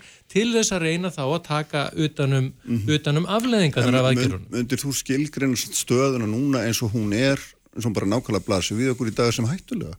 Er, er, er, er geysar einhver faraldur á Íslandi í augnablikinu? Það eru margir sem spyrja sér bara þeirra spurningar. Já, það eru á annað hundra manns núna einangrun vegna COVID, sagt, já, með, já. með COVID. Samkvæmt ítrustu, ítrustu varuð eru COVID, það. COVID-vekir, nei, það eru það að segja þeir sem eru raunverulega smitaðir, þeir sem eru raunverulega smitaðir og eru einangraðir vegna þess að þeir eru veikir. Mönnum kann að finnast að vera ekki drosalega margir en uh, með að vera einslun okkar af faraldrinum, þar sem að Eh, einni leki eh, sagt, á, á smiti hefur komið á stað tögum og í einstakartilfellin hundruðum af, af afleitum smitum að þá er hættan mikil og af því að við erum með uh, afbreyði núna sem virðist smitast meira mm -hmm. í mhm. yngra fólki virðist smitast meira meðal barna að þá erum við með möguleikan í miklu miklu reyfanlegri hóp heldur en áður og þetta skiptir allt alveg gríðarlega miklu máli í faraldursfræðilegu tilliti mm -hmm. þó ég sé ekki faraldur sérfræðingur. Nei, nei, nákvæmlega nákvæmlega, þú er svona verið í kvítum sloppi þar svona treystum við á þig. En ég meina, er, er, er hérna ég meina, eitt af því sem að Þorvald nefndi núna um daginn og allir miklum töðadrýtingi og er þetta orð veirifrýr erum við að stefna því? Og, og hérna, bæði já og nei. Mitt svar við því er að auðvitað drömsinn svo að samfélagi verði veirifrýtt en ég held að Þórólur og allir aðrir faraldsfræðingar eða, eða smittsjóttumanlæknar átti sig á því að það mun varla gerast vegna þess að... Hvenar er þá smitti orðið nógu fáti til þess að við getum farið að hérna, lifa eðlilegu lífi ef við ætlum ekki að stefna veiru fríu samfélagi? Það er, er, það er í rauninni þegar við erum búin að bólusetja alla áhættuhópa og þegar kannski helda bólusetningin er komin um með yfir 60% af þjóðinni mm -hmm. þá, er, þá er hættan svo miklu miklu minni heldur hún er heldur hún er núna og, og ég meina það eftir áallunum að þá erum við að tala um að það gerist í júni eða júli og uh, ég vona að það er áallinu haldi en, en bara, uh, bara breytileikin í framlegslu á til dæmis á bólöfnum eitthvað sem við ráðum ekki við Hérna, Bryndís, sko, þessar rattir sem heyrast úr þínum flokki, einhverjum sérulegi um hérna, að þessi orðið á langt gengi í, að, að hérna, takmarka frelsi borgarana. Hvað stendur þú í því?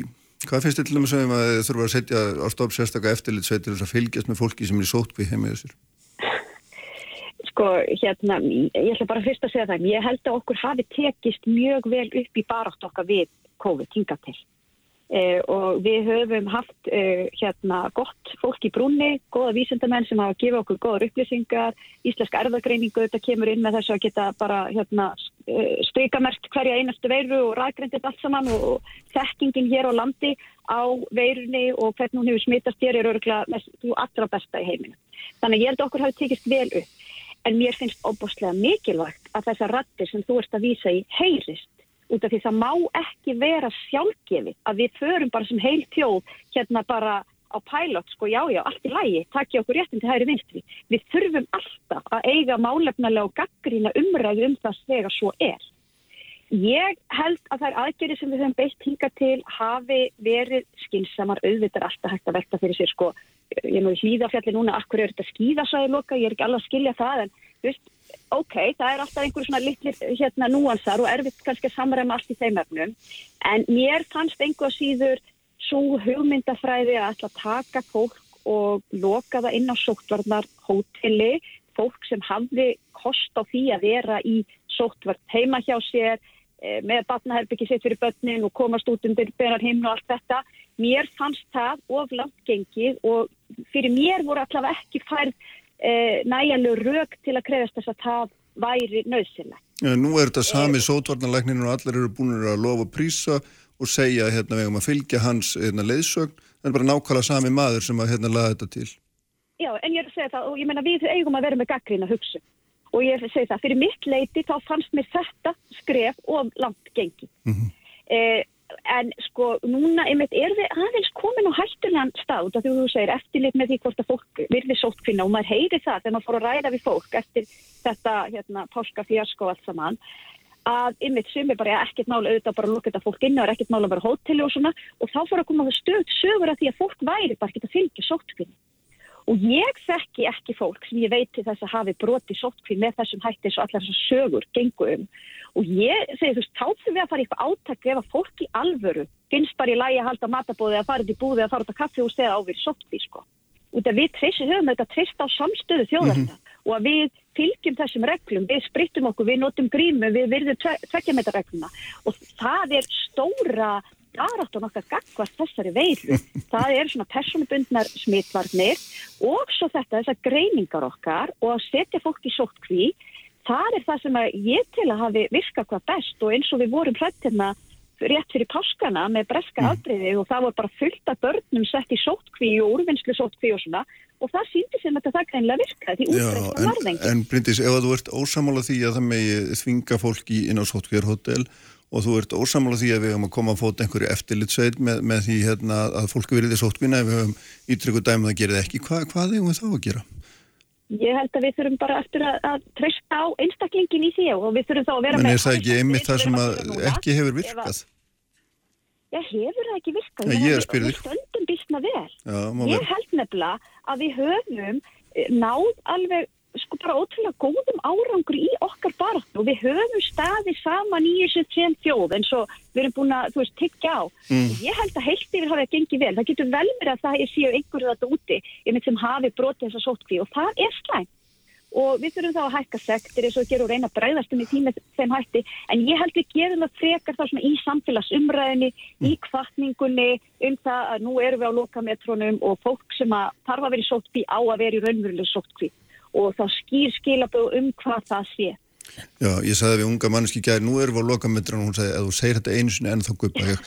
Af því að það er nú er búið að segja þetta í marga, marga mánuði og, og, og, og sjálfsagt hálft ára en Helga var að tölum að þessum um þetta um þessar hérna þessar, þessar hamlur á persónufrelsu og allt þetta og þá umræðu og hérna sótkví er hóteli versus heima sótkví og eftirlit með því og svo framvis. Hvað hva stendur þú í þessu? Hvað er það að ganga langt í þessu? Já, sko, mér langar að taka þennan punkt hérna við höfum náð góðum árangri. Já, Já við höfum náð góð, góðum árangri á ákveðnum köplum. Uh, þar sem að við náðum bara býstna frjálsu lífi uh, uh, síðasta sömar að hluta til uh, í byrjun þessa árs að hluta til en ég er ekki vissum að þeir uh, sem að eru að reka menningastofnanir uh, listafólki okkar uh, íþróttafólk uh, allskens fyrirtæki sitji núna heima hjá sér þar sem þau með ekki mæti vinnuna og, og hugsi, já við höfum nú náðu svo góðum árangri. Ég held að þeim líði ekki þannig í hjartanu akkurat núna þegar allt er í lás. Hérna, við, við verðum að, að, að þrauka þetta en þá þurfum við að gera það með þannig hætti að við séum ekki að einhvern veginn uh, slaka þannig á þessum kröfum að við, við lendum alltaf í sama pittinum aftur. Ég, ég, ég er ekkert að tala um að við ætlum að fara að, að, að, að knallæsa öllu þannig að námsmaður erlendis komist ekki í, í, í, í jarða fyrir ömmu sinnar.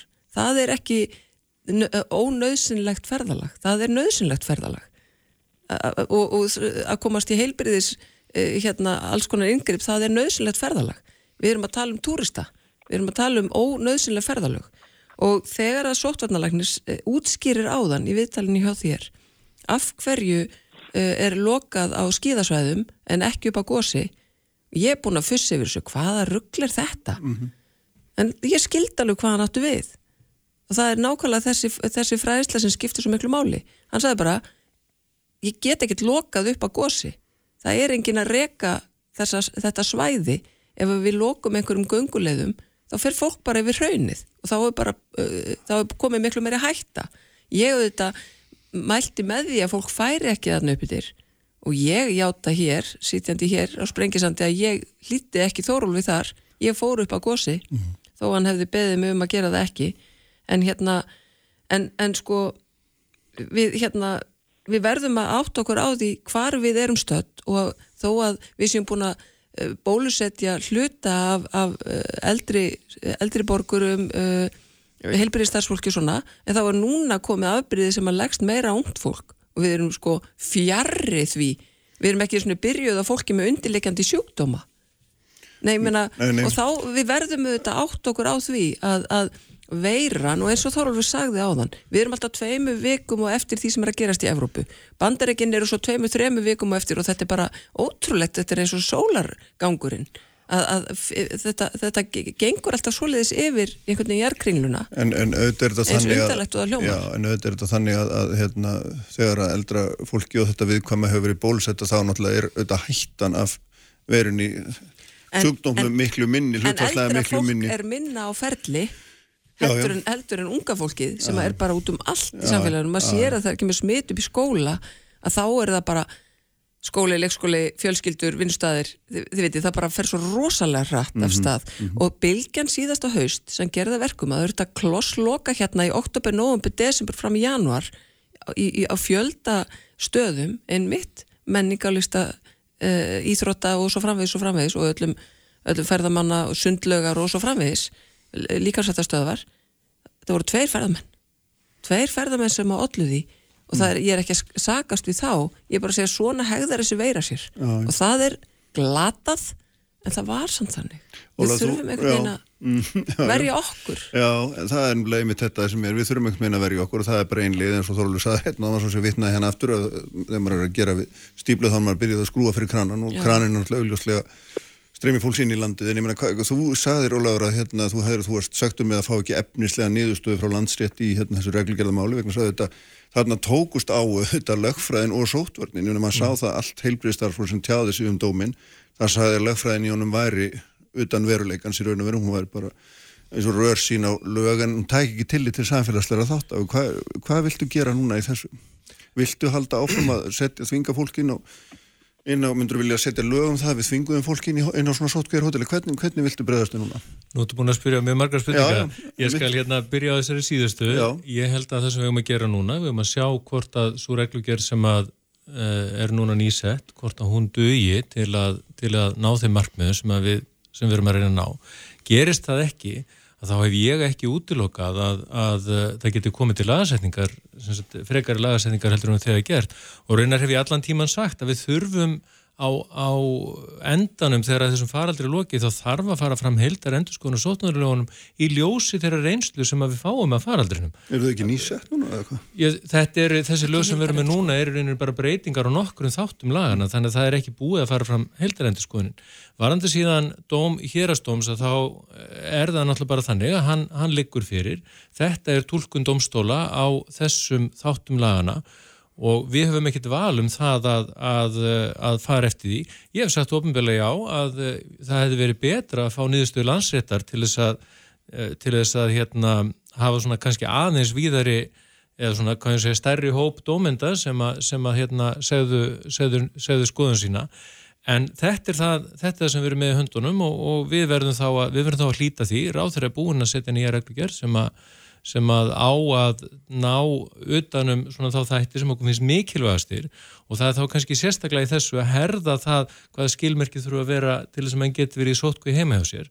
Og, og vonandi, mun, vonandi mun það duga. En enn og aftur við erum með kvikt ástand, það er stöðut að breytast mm. og við getum þurft að breyta og þá, þá verðum við að vera, vera, vera fólk til að gera það. Já, og Já, þá væri svo gott að vera með heimild í lögunum til þess að það sé hægt að bregðast við. Ég, ég, ég vil meina að ég meina eins og hegningalögin, hegninga mm -hmm. já, hérastómur hefur, hefur nú úrskurðað um það, eh, sko við erum með hegningalög sem eru stút full af ákveðum með ymsum þvingunar heimildum sem eru aldrei brúkaðar og ég held að við ættum að hugsa þetta þannig. Þegar við erum að setja í lögin heimild til að skilda fólki út af ákveðinu, ákveðinu hættu ástandi til dvalar í sóttkvíjarhúsi að þá er ekki þar með sagt að það verði tekja ákvörðun um að gera það eða gera það alltaf. Það er ekki þannig. Þetta er engangu til þess að byggja undir að því að stundum þarf að vera hægt að bregðast trætt við mm. og mér finnst fullkomlega eðlilegt á þessum tíma að við eh, veitum þá heimild með lögum til þess að þá mögulega sé hægt að grípa til þess eftir viku eða tvær í staðin fyrir að einhvern veginn, mér finnst þess að við séum alltaf að einhvern veginn slökva elda eftir á. Mm eða þá gera eins og hefur verið gert núna og var gert eh, fyrir áramót og við tókumst nú aðeins á um það að vera að beita aðgerðum eins og uh, tvöfaldir skimun með sótkví á milli, það var ekki laga heimt fyrir því og Pál Reynsson bendi á það. En það var bara samtgert og það bara leti engin á það að reyna mm. domstólum en, en ég vil frekar að við, við, við förum að lögum og það er ekki bara vilða, það er bara stjórnaskráin okkar segir að við verðum að gera það þannig. Við megum ekki gefa afslátt á því. Setjum þetta bara í lögin. Það er svo einfalt. Mm -hmm. Við erum lögjafinn. Bryndis hugnast þér að hérna, herða þessari lögjaf sem núna er og þannig að sé hægt að svinga fólk þessum hætti eins og við ætliðum okkur inn á, á Sotkjærhótel? Nei, ég er algjörlega ósamála helguvölu í þessu sko. Eh, ég finnst að það er eðlilegt að það séu til staðar ákveðnar heimildir í sótvarnar lögunum sem þar og eru og við verum líka átt okkur á því að þegar við erum að tala um sóttkví, það er eitt að sko fólk sem er veikt sé loka og það sé heimil til að, að hérna loka það inn í einangrun. En þegar við erum að tala um fólk sem er, sínir ekki neyn merki þess að vera veikt og það er komið með allavega tvö neikvæg COVID-test og er að býða eftir því þriðja að það sé bara átomatist heimild í lögunum til að bregðast við með svo drastískum hætti að loka þinni Mér finnst það ekki fórsanlegt. Aftur á móti skal ég alveg taka þátt í því að setja á slík bráðabyrðarlög ef að það er talið algjörlega nöðsynlegt. Og þá finnst mér eðlilegt að lögjafinn, þessi kjörnu fulltrúar komi að því að fjallum það og okkar sérfærangar færi þá rauk fyrir því og það fari gegnum þingið og mér, bara mér finnst almennt ekki eiga að vera til staðar mjög drastískar heimildir hvort sem það er í þessu eða við getum talað út frá gjaldir í söftunum með eitthvað annað bara sem heimildar ákvæð í lögunum og ennbættismæður eða eitt ráð þar að geti tekið slíkar ákvæð. Við erum bara eðlilega að lögjafinn komi að slíkum ákvæðum og við höfum sínda eh, sem alveg Íslendinga að ef það þörfir á þá er þetta bregðast við mjög hratt. Já, ef viljið til innan ríkistjórnar þá, þá er það hægt. En uh, aðeins varðandi í sótarnalögin þá er varnaðar heimill í sótarnalögum sem er meðalhóf. Og við þurfum ekki að hafa ágjör af því að stjórnvöld rjúki til og, og, og grípi til mm -hmm. ítrustu aðgerða sangant lögunum ef ekki er þarf á því. Þannig að við erum með hennan heimil í lögunum. Ef einhverju ósáttu þá getur hann farið fyrir domstóli eppil þó að standi í lögunum. Þá segir domstól bara meðalhófar tryggt eða ekki tryggt. Loka. Það bara þarf að vera alveg skýrt að markmið sóttvarnalagana er að venda líf og hilsu, ekki bara þeirra sem að eh, lenda í þingjandi aðgerum heldur líka allra hinna. Það þarf að tryggja réttindi allra hinna borgarana sem að ekki eru veik og eru ekki, vilja ekki vera útsett fyrir, fyrir uh, veirunni. Þetta er markmiðið og mér finnst að við höfum að halda áfram á þeirri braut og ég útiloka ekkert í sambandi við að þurfa að herða eða slaka á aðgerðum en þær aðgerður sem við erum með núna þær sýnist mér vera skinsanlegar og við höfum að halda áfram á þeirri braut. Ljómandi gott. Við ekki tekið undir það. Já, fínt er. Takk Bryndís fyrir að vera með okkur. Takk Helga Vala, Ólaður Þór. Takk. Takk. Og ég held áfram hérna eftir augnablík. Þá er hún sem Erla Serdar hérna hjá mér. Þá ætlum við að tala um augahyggju. Kraftmikil umræða, alla sunnudasmórna, sprengisandur á bylgjunni. Með þér allan daginn. Hvar sem er, hvena sem er, bylgjan. Bylgjan. Sprengisandur, alla sunnudaga á bylgjunni. Sælir afturlustundur, þau eru farin frá mér Ólaður Þór Gunnarsson og Helga Vala Helgadóttir og Bryndís Haraldsdóttir úr símanum að norðan.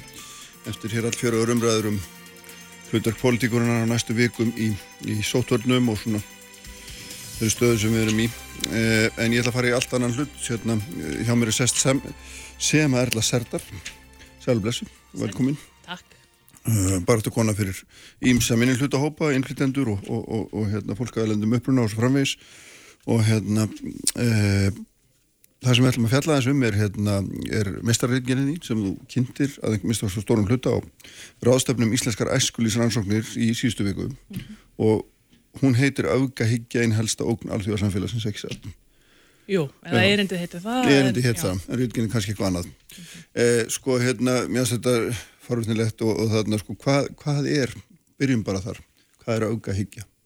Því að oft er talað um hægri öfgamenn og vinstri öfgamenn og, og alls konar skilgrinningur á því, hvað er, hver, hver er öfgamaður? Og þú spyrða þessu bara eins og það sé ekkert mál að svara þessu. Ég mitt byrjum að letu nótunum hérna. Um, en það er nú eins og með svo margt í þessum fræðum ofta að það er ágreiningur um skilgreiningar og, og, og hva, hvernig og með hvað hægt að skýra hugtök eins og einmitt auka higgja, auka fólk, hattursklæpir, hriðjuverk og, og, og allt þetta sem helst í hendur en, en svona það má segja að flest fræðafólk hefur kannski svona komist að samkominlægi um að uh, auka higgja, þetta er auðvitað bara fyrirbæri kannski til að byrja svona sem er að finna út um allan heim. Það getur tekið á sig alls konar byrtingamyndir. Þú nefndir hérna auka hæri og, og það er líka til auka vinstri við fjöllum um trúarlega innblásna aukahyggju, um, aukahyggju sem byggir á einhverjum ákveðnum málstað um, og jafnvel aukahyggju sem að fylgur í sér einhvers konar uh, frelsisbaratu eða aðskilnaðar uh, hyggju.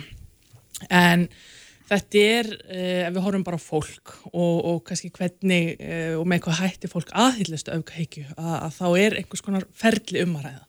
Þetta er ekki bara þannig að þú kannski vaknar á sundarsmotni og, og, og, og ákveður að verða nínasisti sem dæmi. Um, og það er yfirleitt gerður greinar munur á því sem við kallum svona vitsmunalega aukahyggju, það er að einstaklingu tilengar sér auka skoðanir og hugmyndir. Og það meina ég eh, að, það, að slíkar hugmyndir fela í sér einhvers konar markmið eh, um einhverja umbreytingar á samfélaginu sem stangast þá á við kannski svona viðurkend viðmið og, og gildi og til dæmis bara líðræði og réttar ríkið og þá er sérst viljaði ná fram einhverjum slíkum markmiðum.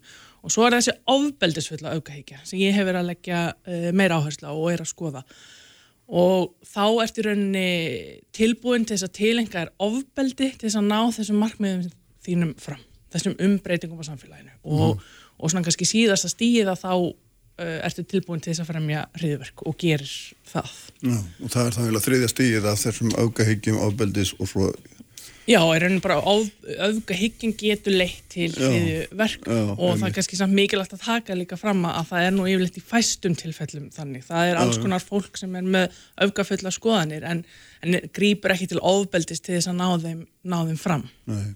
Þú, þú hérna sko þú varst með þetta, fluttir þetta á, á ráðstöfnum sem kallast eins og ég nefndi á íslenskar ekskulísansóknir og þá er þetta svona verða með velta fyrir sér þetta ungt fólk, er það, ekki, það er sérstaklega þá að ja, það hlýtur að vera upplegið að það sé sérstaklega viðkvæmt fyrir einhvers konar afgahyggju eða ginnkeift fyrir henni eða hvað Já, það sem ég hef verið að skoða er einmitt sérstaklega ung fólk. Uh, einfallega vegna þess að rannsóknir sína fram á þá þróun að ung fólk er í auknumæli að tilenga sér uh, aukahyggju.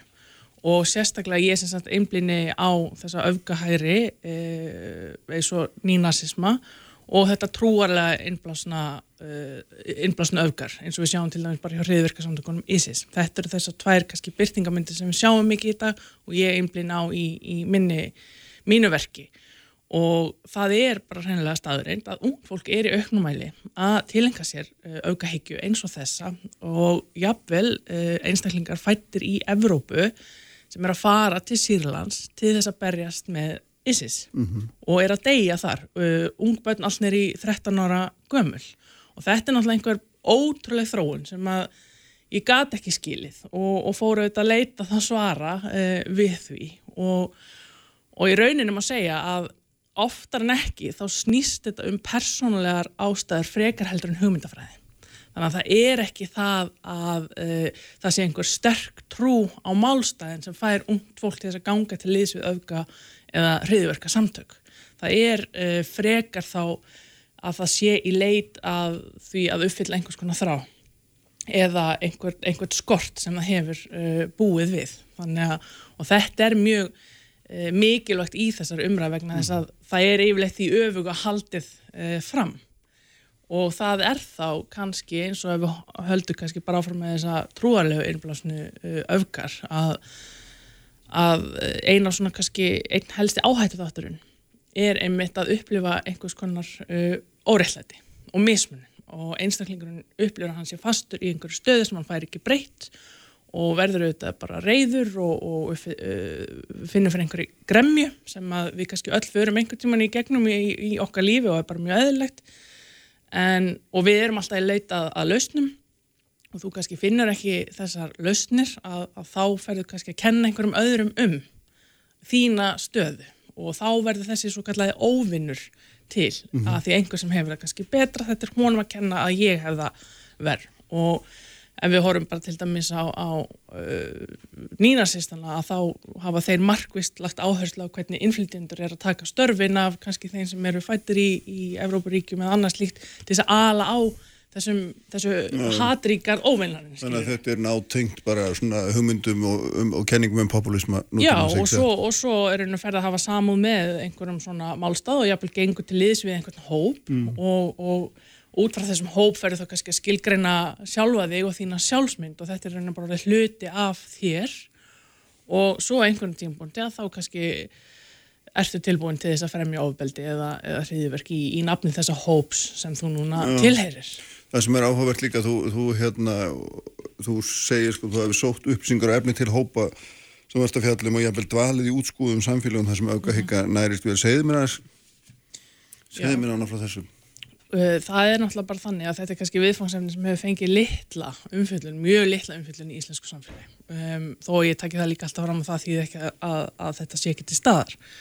En þá þarf við að leita bara lengra eftir uh, þekkingu og reynslu og, mér er mjög mikilvægt að læra af þeim sem að þekkja hlutina sem best og, og hefum við til dæmis uh, farið nokkur sem til Noregs uh, til þess að sjá hvernig þeir hafa tekist á við uh, hriðverkin þar í landi og eh, ferð sem er mér eh, sem er alltaf með mér í huganum er ferð sem ég fóð til uh, Brussel, Belgiu sem er nú hjarta Evrópu, hjarta Evrópu samstarfsins og, og alls þess góða sem að Evrópa vil standa fyrir. En þar er eitt útskúfaðasta og jaðasettasta samfélag held ég í Evrópu. Um, Molenbeek heitir það hverfi sem er í 15-20 minna göngufæri frá miðborg uh, Brussel. Eh, Þar búa um 100.000 manns, um, nánast allir með erlendan uh, bakgrunn eða það sem við viljum kalla önnur eða þriðja kynslu innflytjenda sem er svona ákveðin líka hugtakanótkun sem að má skoða í, í þessu samingi og hvað við erum að gera til þess að íta undir svona jaðarsetningu og útskúfun. En, en þarna eh, í þessu samfélagi byggur tveir menn sem hafa núna framið hriðverk í Európu, í París og, og Brussel. Já, og þar af leiðandi er búið að brenni merkja þetta samfélag og gjörsanlega útskúfa því og þeir einstaklingar sem þar búa um, hafa bara fengið það í andlita þeir séu ekki hluti af Belgíu, þeir eru ekki hluti af belgísku samfélagi. Um, það er lítið hérna, lítið vatn sem rennur hann í gegn og það er bara lítil göngubrú sem að skilur af miðbæinn og þetta hverfi og krakkarnir fara ekki yfir þessa brú þeir fara ekki út fyrir hverfið vegna þess að þar býður þeirra bara átök og, og ofbeldi og, og erfileikar þannig að vegna einhverja tveggja einstaklinga er bara búið að útskúa heilu samfélagi, 100.000 einstaklingar sem þarna búa. Og segja má að kannski eigi bara ekki sjens um, og, auðvitað, og maður skilur alveg reyðina og gremjuna sem maður getur fyllt því að það sé komið svona fram við. Við erum að tala um börn sem eru fætt þarna líka og ættu raunulega bara að kallast belgar.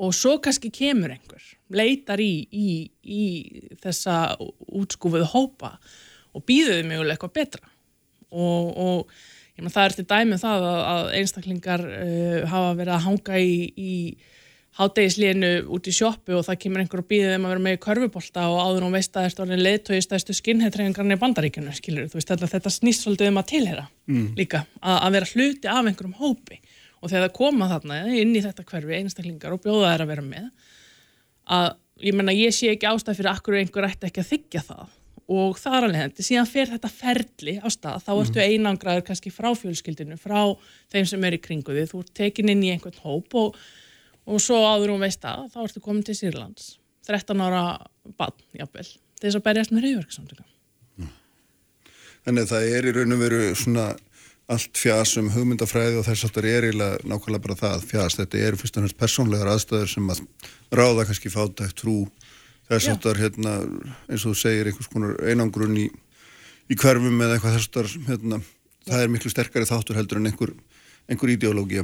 Já, þetta eru aðstæður sem að við náttúrulega bara sem fólk erum búin að búa til Mm. og, og hérna einmitt til dæmis bara með þessari fordæmingu og þessu, þessari jaðarsetningu og, og það sem náttúrulega gerist er að, og er áhugavert í þessu samingi líka er að, að á sama tíma og, og þetta er að aukast að þá er líka aukning á því að ung fólk er að ganga til liðs við eins og nínasista samtök þannig að þetta helst í hendur. Það er mismunandi byrtingamindur aukahyggju geta verið til á sama stað á sama tíma og þær geta ítt undir hver aðra.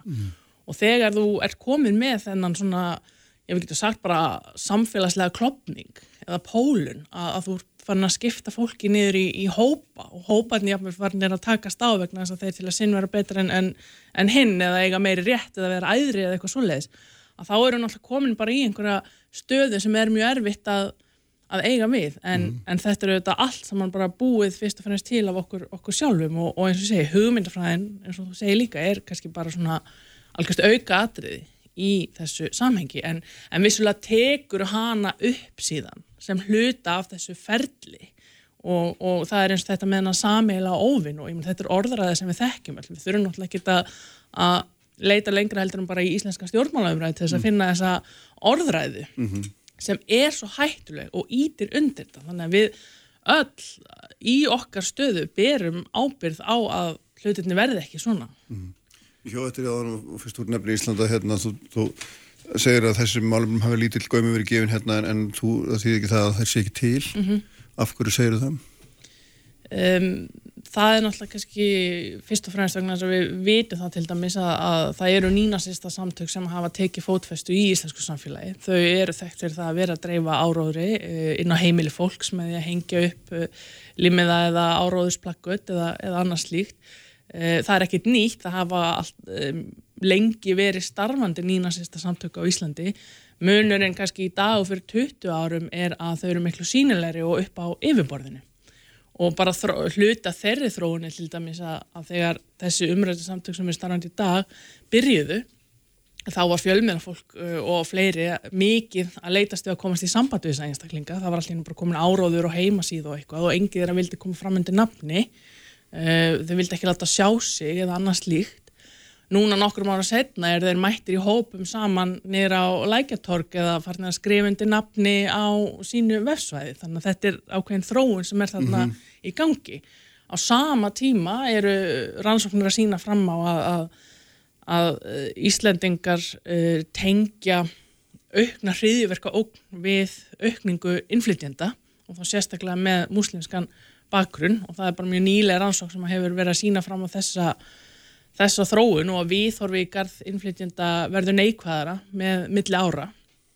Og en það er engin hriðverka á Íslandi samkvæmt mati ríkislauruglu stjóra það hafa náttúrulega aldrei verið framinn hriðverk hérna. Þannig að maður velti fyrir sér af hverju. Ég meina hvað af hverju er þessi ótti, þessi, þessi hræðsla um, og það er auðvitað hluti af uh, þessu áróðu stríði má, má segja og dæmi getur við sagt um að, að það er frá því 11. september, þetta er auðvitað fyrirbær sem hefur verið mikið rannsakað frá hriðverkunum í bandaríkunum uh, 11. september 2001 að síðan þá eru fleiri sem hafa látist í ofbeldis og hriðverkum uh, þjóðurni sinna eða auka hægri fólks heldur en muslima eða þeirra sem hafa þessa trúalegu innblásnu öfgar.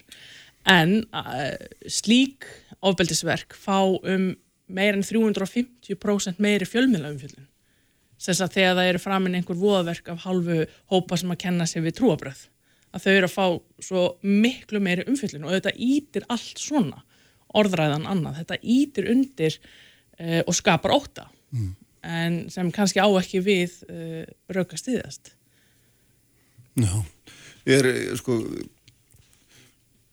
hver er, ég veit ekki, að maður svona leita að einhverju skilgreiningu, sko, eh, hver, hver er munurinn á milli svona einstrengingslegra skoðana á jæðrinum og svo.